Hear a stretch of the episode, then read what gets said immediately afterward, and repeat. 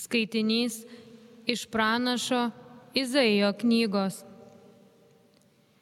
Te būna man leista gėdoti savo mylimajam mano meilės giesmę apie jo vynogyną. Mano mylimasis turėjo vynogyną derlingos kalvos atšlaitėse. Jis išpureno žemę, išrinko iš jos akmenis ir apsodino rinktinėmis vynogėmis. Viduryje pastatė bokštą sargui, įsirengė jame net vyno spaudyklą. Tada tikėjosi, kad jis augins vynogės, bet prieaugino rūkštogių. Dabar tad Jeruzalės gyventojai ir judo vyrai, prašau jūs spręsti mano ir mano vynogyno bylą. Ką dar turėjau padaryti savo vynogynui?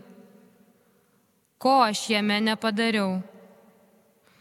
Kodėl jis prieaugino rūkštogių, nors aš tikėjausi, kad jis ves vynogės? Dabar jums pasakysiu, ką ketinu daryti su savo vynogynu išrausiu gyvatvorę ir jis bus nuniokotas. Nugriausiu sieną ir jis bus ištriptas. Taip, paversiu jį dykvietę. Nebus jis genimas, nei purenamas, apžels erškiečiais ir usnimis. Debesims įsakysiu, kad nelietų ant jo lietaus.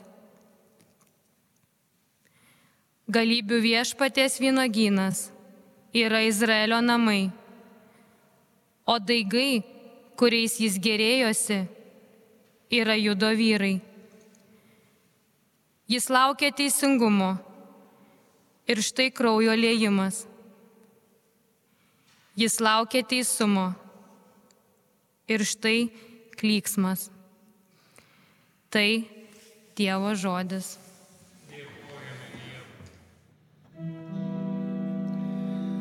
Izraelio namai tai viešpaties vynuogynas. Izraelio namai tai viešpaties vynuogynas. Vynmedį tu iš Egipto išrovei, išginė iš čia pagonis ir jį įdėgiai. Skėtė savo šakas iki jūros, lygi upės savo atžalas leido. Izraelio namai tai viešpaties vynuogynas. Kodėlgi jo aptvarą leidai sugriauti, praeiviams skinti jo uogas, girių šernams jį rausyti žvėrims laukiniams jį trypti. Izraelio namai tai viešpaties vynuogynas. Dangaus kariuomenių Dieve sugrįžki, pažvelk iš dangaus pasižiūrėki ir aplankyk šitą vynmedžių sodą. Globok jį tavo rankų sodintą, atžala tavo užsiauginta. Izraelio namai tai viešpaties vynuogynas mes jau nuo tavęs nebesitrauksim. Gyvybę išsaugok mums ir mes šlovinsim tavo vardą. dangaus kariuomenių viešpatė Dieve, pastatyk mus ant kojų. Ten užvinta mums veidas tavasis ir mes išgelbėti būsim. Izraelio namai tai viešpaties vynuogynas.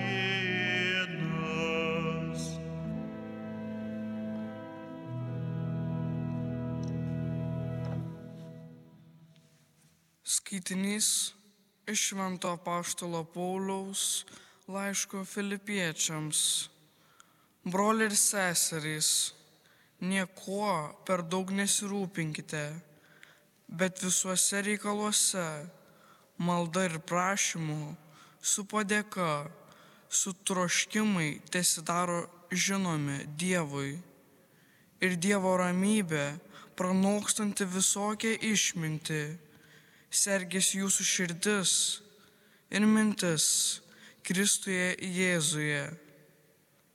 Pagaliau, broliai ir seserys, mąstykite apie tai, kas teisinga, garbinga, teisu, tyra, mylėtina, giriama apie visą, kas dorybinga ir šlovinga.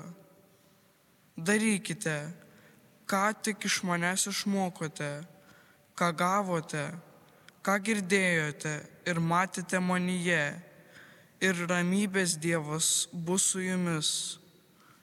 Tai Dievo žodis. Alleluia,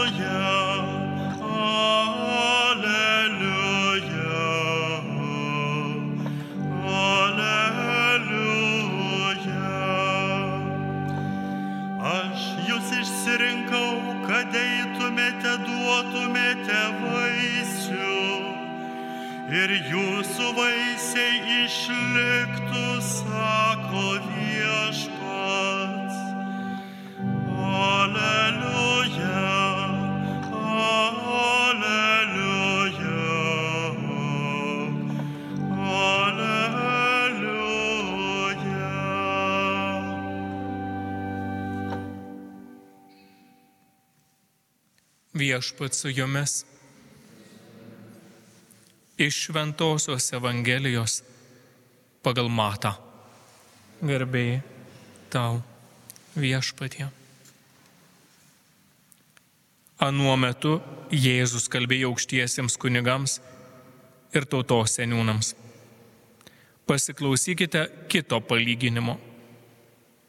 Buvo šeimininkas, kuris įveisė vynogyną sumūrijo aptvarą, įrengė spaustuvą, pastatė bokštą, išnuomojo vynininkams ir iškeliavo į svetimą šalį. Atėjus vaisių metui, jūs siuntė tarnus pas vynininkus atsimti savosios vaisių dalies. Bet vynininkai nutvėrė jo tarnus, vieną primušė, antrą užmušė, o trečią užmušė akmenimis. Jis vėl siuntė tarnų daugiau negu pirma. Bet vynininkai ir su šitais pasielgė kaip su anais. Galop jis išsiuntė pas juos savo sūnų, manydamas, jie drovėsis mano sūnaus. Tačiau vynininkai išvykę sūnų ėmė kalbėtis. Tai įpėdinis, eime, užmuškime jį ir turėsime palikimą. Nutvėrė jie, išmetė jį iš vynogyno ir užmušė. Tad kągi atvykęs vynogyno šeimininkas padarys su tais vynininkais? Jie atsakė, jis žiauriai nužudys piktadarius ir išnuomos vynogyną kitiems vynininkams, kurie atėjus metui atiduos vaisių. Tuomet Jėzus tarė, ar niekada nesate skaitę raštuose? Akmuo, kurį statytojai atmetė, tapo kertiniu akmeniu. Tai viešpaties padaryta ir mūsų akims tai nuostaba kelia. Todėl sakau jums, Dievo karalystė bus iš jūsų atimta ir atiduota tautai, kuri duos vaisių. Tai viešpaties žodis. Šlovė tau, Kristų. Broliai ir seserys vis labiau rudenėjant ir šiandien dar pučiant tokiam stipriam vėjui, talžant lietui, kai kurių iš jūsų visgi nenuputė, tad pavyko atvykti čia švesti mišių ir esam linkę, jog atsivertę Evangeliją išgirstume gerąją naujieną, jog Evangelija taip ir vadinama. O šiandien atrodytų skaitant mato Evangelijos ištrauką, jog yra paimtas skirelis iš kasdieninių mūsų kriminalinių žinių. Nes iš ties istorija, kurią Jėzus pasakoja, yra palyginimas, tai labai aiškiai pasakyta, jog Jėzus savo klausytojams, aukštiesiems kunigams ir tautos seniūnams sako, pasiklausykite kito palyginimo. Tad labai svarbu, kad tai palyginimas, kad negalvotume, jog čia yra skirelis iš įvykių. Ir pasakoja vis dėlto palyginimas ne pačius smagiausius dalykus. Šeimininkas, vynogynas. Šitie dalykai jau mūsųose skamba ir mūsų bažnyčioje ne pirmą sekmadienį. Praėjusį sekmadienį jeigu pamenat, Evangelija pagal Mata pasakoja mums apie du tėvo sūnus, kuris juos siuntė į savo vynogyną dirbti. Tik vienas atsakęs einu nenuėjo, o kitas atsakęs, kad nenoriu, persigalvojo ir nukeliavo dirbti. Vynogyno istorija. Jeigu verstume atgalios skaitytų Evangelijų puslapius, atrastume, jog ir dar prieš savaitę buvo palyginimas apie kitus įvykius vynogyne. Šeimininkas samdo darbuotojus į savo vynogyną. Vieni iškeliauja dirbti nuo ankstyvo ryto ir gauna kokią algą? Denarą už dieną. Kiti dirbo gerokai mažiau, nes buvo pasamdyti vėliau. Dar kiti netgi darbavosi tik vieną valandą ir vis tiek gavo tą patį sudėrėtą denarą už savo darbą. Tad vynogyno tema ne tik Evangelijos puslapiuose mūsų bažnyčiose, bet ir Jėzaus ir jo klausytojų gyvenime buvo labai svarbi. Mes, būdami mažas miestelis, esam apsupti derlingų žemių, tad pas mus aišku, ne vynogės auginamos, kitos kultūros, bet mums vynogynas tikriausiai nebent asocijuojasi su vienu ar dviem vynogių krūmeliais mūsų kieme, bet Jėzaus laikė tai buvo visai normali praktika, kad turtingi, netgi ne vietiniai, bet užsieniečiai nusipirkdavo žemės plotą, ten įrengdavo vynogyną ir išnuomodavo būtent kažkuriems nuomininkams. Šiandien Jėzaus palyginimas tikriausiai ir pasakoja apie įvykius, kurie vyksta tarp šeimininko, kuris turėtų būti tikriausiai užsienietis, nes iškeliavo į svetimo šalį, taip rašo evangelistas Matas, o pasilieka darbuotis vynininkai, kurie gauna puikiausiai sutvarkytą ir įrengtą vynogyną. Šeimininkas nėra visiškas tinginys, Evangelija mums aiškiai sako. Šeimininkas įveisė vynogyną, pasirūpino visą infrastruktūrą, sumūrijo aptvarą, įrengė spaustuvą, pastatė bokštą, išnuomojo ir tada iškeliavo. Tada atliko iš savo pusės viskas, kas reikalinga. Ir štai atėjus metui gauti savo dalį, jis siunčia tarnus atsimti jam priklausančios dalies, o ten besidarbavę nuomininkai įsijauti ir ėmė save laikyti šeimininkais. Nežinom, kiek kartų ar kiek metų jau trunka nuoma. Apie tai nepasakoja nieko palyginime Jėzus. Galbūt galim bandyti galvoti apie tai, jog vynininkai, kurie mums atrodo tokie pikti ar blogi, jie galbūt jau buvo nuskriausti šeimininko. Dažna praktika buvo, kad kildavo konfliktas, nes šeimininkas nori gauti kiekvieną kartą tiek, kiek jam sudėrėta. O jeigu derlius prastas, ką daryti tada? Iš vynininkų yra, iš nuomininkų įmama vis tiek sudėrėta suma, galbūt jie tada jautėsi nuskriausti, galbūt jautėsi išnaudoti. Bet ką mes klausydami šito palyginimo pradedam mąstyti, mes labai greitai pradedame teisti vynininkus ir galvoti čia apie kažką kitą, bet tik ne apie mane. Neduok Dievę atrodo, kad tik tai aš nebūčiau čia minimas tame vynininkų sąraše. Bet vynogynas, jeigu prisimenam, ką kalbėjom praėjusiais sekmadieniais ir netgi šiandien, pirmasis Izaijo skaitinys, kurį skaitėm, pasakojo ir labai aiškiai atskleidė, juk vynogynas Izraelio namai. O minėti vyrai, judo vyrai. Tad Izraelio tauta yra, ar išrinktoji tauta yra vynogynas. Ir aišku, šeimininkas Dievas. O minimi siūsti pas vynininkus šeimininko tarnai yra pranašai, kuriuos Dievas tiek daug kartų siuntė į savo tautą.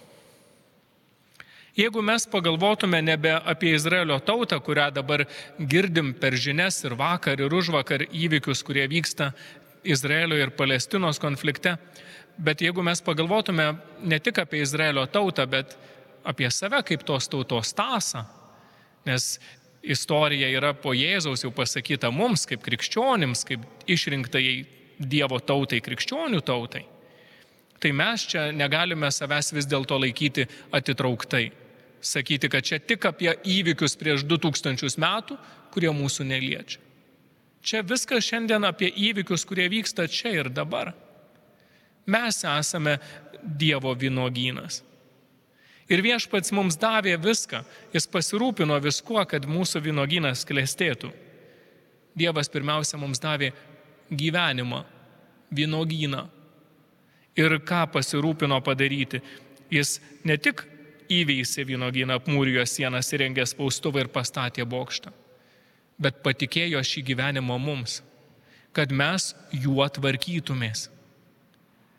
Dievas mumis pasitikėdamas, taip kaip ir palyginime tarnais ar na, nuomininkais, tikriau, tiksliau būtų nuomininkais pasitikėdamas Dievas, šeimininkas iškeliauja ir leidžia jiems darbuotis pagal tai, kaip jie supranta Mums irgi Dievas davė gyvenimą kaip dovana. Ir mums dabar jau reikia žvelgti, o kaip mes juo naudojamės. Ir kas nutinka mūsų gyvenime, kai mes klystame? Dažnai koks nors žmogus iš šalies mums pasako, ar būnam patenkinti? Nelabai. Mums norisi, kad mums sakytų tai, ką mes norim girdėti. Elgiamės negražiai, vis tiek norim, kad sakytų, koks esi nuostabus. Elgiamės netinkamai, mes sakysim, kad draugai yra tie, kurie mus giria. Liaupsina, sakysim, labai geri žmonės. Bet tai nedraugai, jeigu jie mums sako tik tai, ką norim girdėti, o ne tai, kas iš tikrųjų yra. Čia net nereikia pranašų Dievo tautai siūstų. Čia mums kalba kiti žmonės, o ką mes su jais padarom? pasakom, šitie mums nepatinka. Einam rinktis kitų, kurie mums patiks, kurie sakys, ką mes norim girdėti. Tuomet mums siunčia kitų įvykių, vyksta įvairūs dalykai apie mus ir mūsų gyvenimuose. Ir mes vis tiek dažnai apsimetam, kad tai nėra skirta mums. Bandom save tame vynogynė laikyti geresniųjų vietoje. Bet štai siunčia po to, kai jau vienogino palyginime pasakoja, jog įvyksta negeri dalykai su atsiųstaisiais atsimti dalies tarnais, siunčia šeimininkas dar kitus. Ką tai parodo? Dievo kantrybę. Žmogus tikriausiai ir kiekvienas iš mūsų jaučia. Ypatingai jeigu būtume stipriojo pozicijoje, šeimininko pozicijoje. Reiškia, turintys iš, už, iš ko pasamdyti, ar ap, kad apgintų mūsų vynogyną, ar atsimtume jį, mesgi tuoj pat supykę susidorotume su netinkamais nuomininkais. Nesiūstume tarnų dar ir dar. Neliptume ant to pačio grėblio antro kartą. Mes greit užsirūstintume. O ką daro Dievas? Kantriai siunčia dar vienus, dar kitus. Dievas mums yra kantrus. Ar labai dažnai mes tą pajuntam? Tikriausiai kiekvieną dieną Dievo kantrybė mums yra parodoma. Ir tuomet jau Dievas palyginime sako, atsiuntė savo sūnų. Čiagi Jėzus palyginime kalba apie save. Jog jis, kaip įpėdinis, bus atsiųstas ir su juo nutiks tas pats, kas su visais kitais. O tuomet jau klausia aukštųjų kunigų, tautos seniūnų, kurie buvo klausytojai, sako, ką padarys tada šeimininkas. Ir jie pateikia tą žmogišką, žmogiško supratimo atsakymą, akis už akį, dantis už dantį. Atvykęs šeimininkas, jie sako, ims ir labai žiauriai netgi susidoros su netinkančiai eksploatuojančiais vynogyną nuomininkais. Ateisgi vieną dieną ir mūsų ataskaitos laikas, kuomet bus paklausta, o kaip mums sekėsi mūsų gyvenimas, kaip mums ėjosi darbuotis mūsų gyvenimo vynogynę. Nes atsiunčia čia tarnus ir netgi įpėdinį atsimti savo dalies. O kiek mano gyvenime priklauso Dievui? Kiek mano gyvenimo dalies? Jeigu imtume galvoti, ar tikrai priklauso mano gyvenimas Dievui? Ar bent jau dalis? Ar bent širdies kamputis ar trupinėlis? Kiek iš mano laiko, kurį aš turiu, kurį Dievas davė man kaip nuomos sutartį, kiek iš jo turiu ir panaudoju ar skiriu Dievui? Ar nepradedam kartais ne tik valstybės vadovai, ne tik stambios korporacijos ar įmonės užmiršti apie atsakomybę prieš gamtą? Ar nenutinka ir mums taip, kad eksploatuojam viską, tarsi būtume šeimininkai? Juk nutinka. Tai atėjęs Dievo sūnus, kuris yra pasmerkiamas, pasirodo vis dėlto tampa kertiniu akmeniu. Juk Jėzaus krauju yra nuplauti ir tie palyginime išvardinti nedori nuomininkai. Jėzaus kraujas nuplauna ir tuos, kurie siūlo įspręsti situaciją labai žemiškai, nusiųsti dar daugiau tarnų ir susidoroti su visais. Jėzaus krauju nuplaunami ir mes, jis mūsų kertinis akmuo. Jeigu savo gyvenimo pastatą ir savo vynogyną statome pagal Jėzaus valią, pagal meilės įsakymus, tuomet jau nebe tik dalis ir jo labiau netrupiniai, bet visas vynogynas priklauso jam. Nes laisva valia įsileidžiam įpėdinį. Nes jis yra tas, ant ko statomas mūsų gyvenimo vynogynas. Kad nebūtų Dievo karalystė iš mūsų atimta, kad nebūtų atiduota kitiems, dera pasitempti. Kiekvienam iš mūsų kad priklausytų Dievui ne kamputis, ne kelios vynogės ir juolab neaugintų jos rūkštogių, bet priklausytų visas mūsų gyvenimas. Tam, kuris yra kertinis akmuo.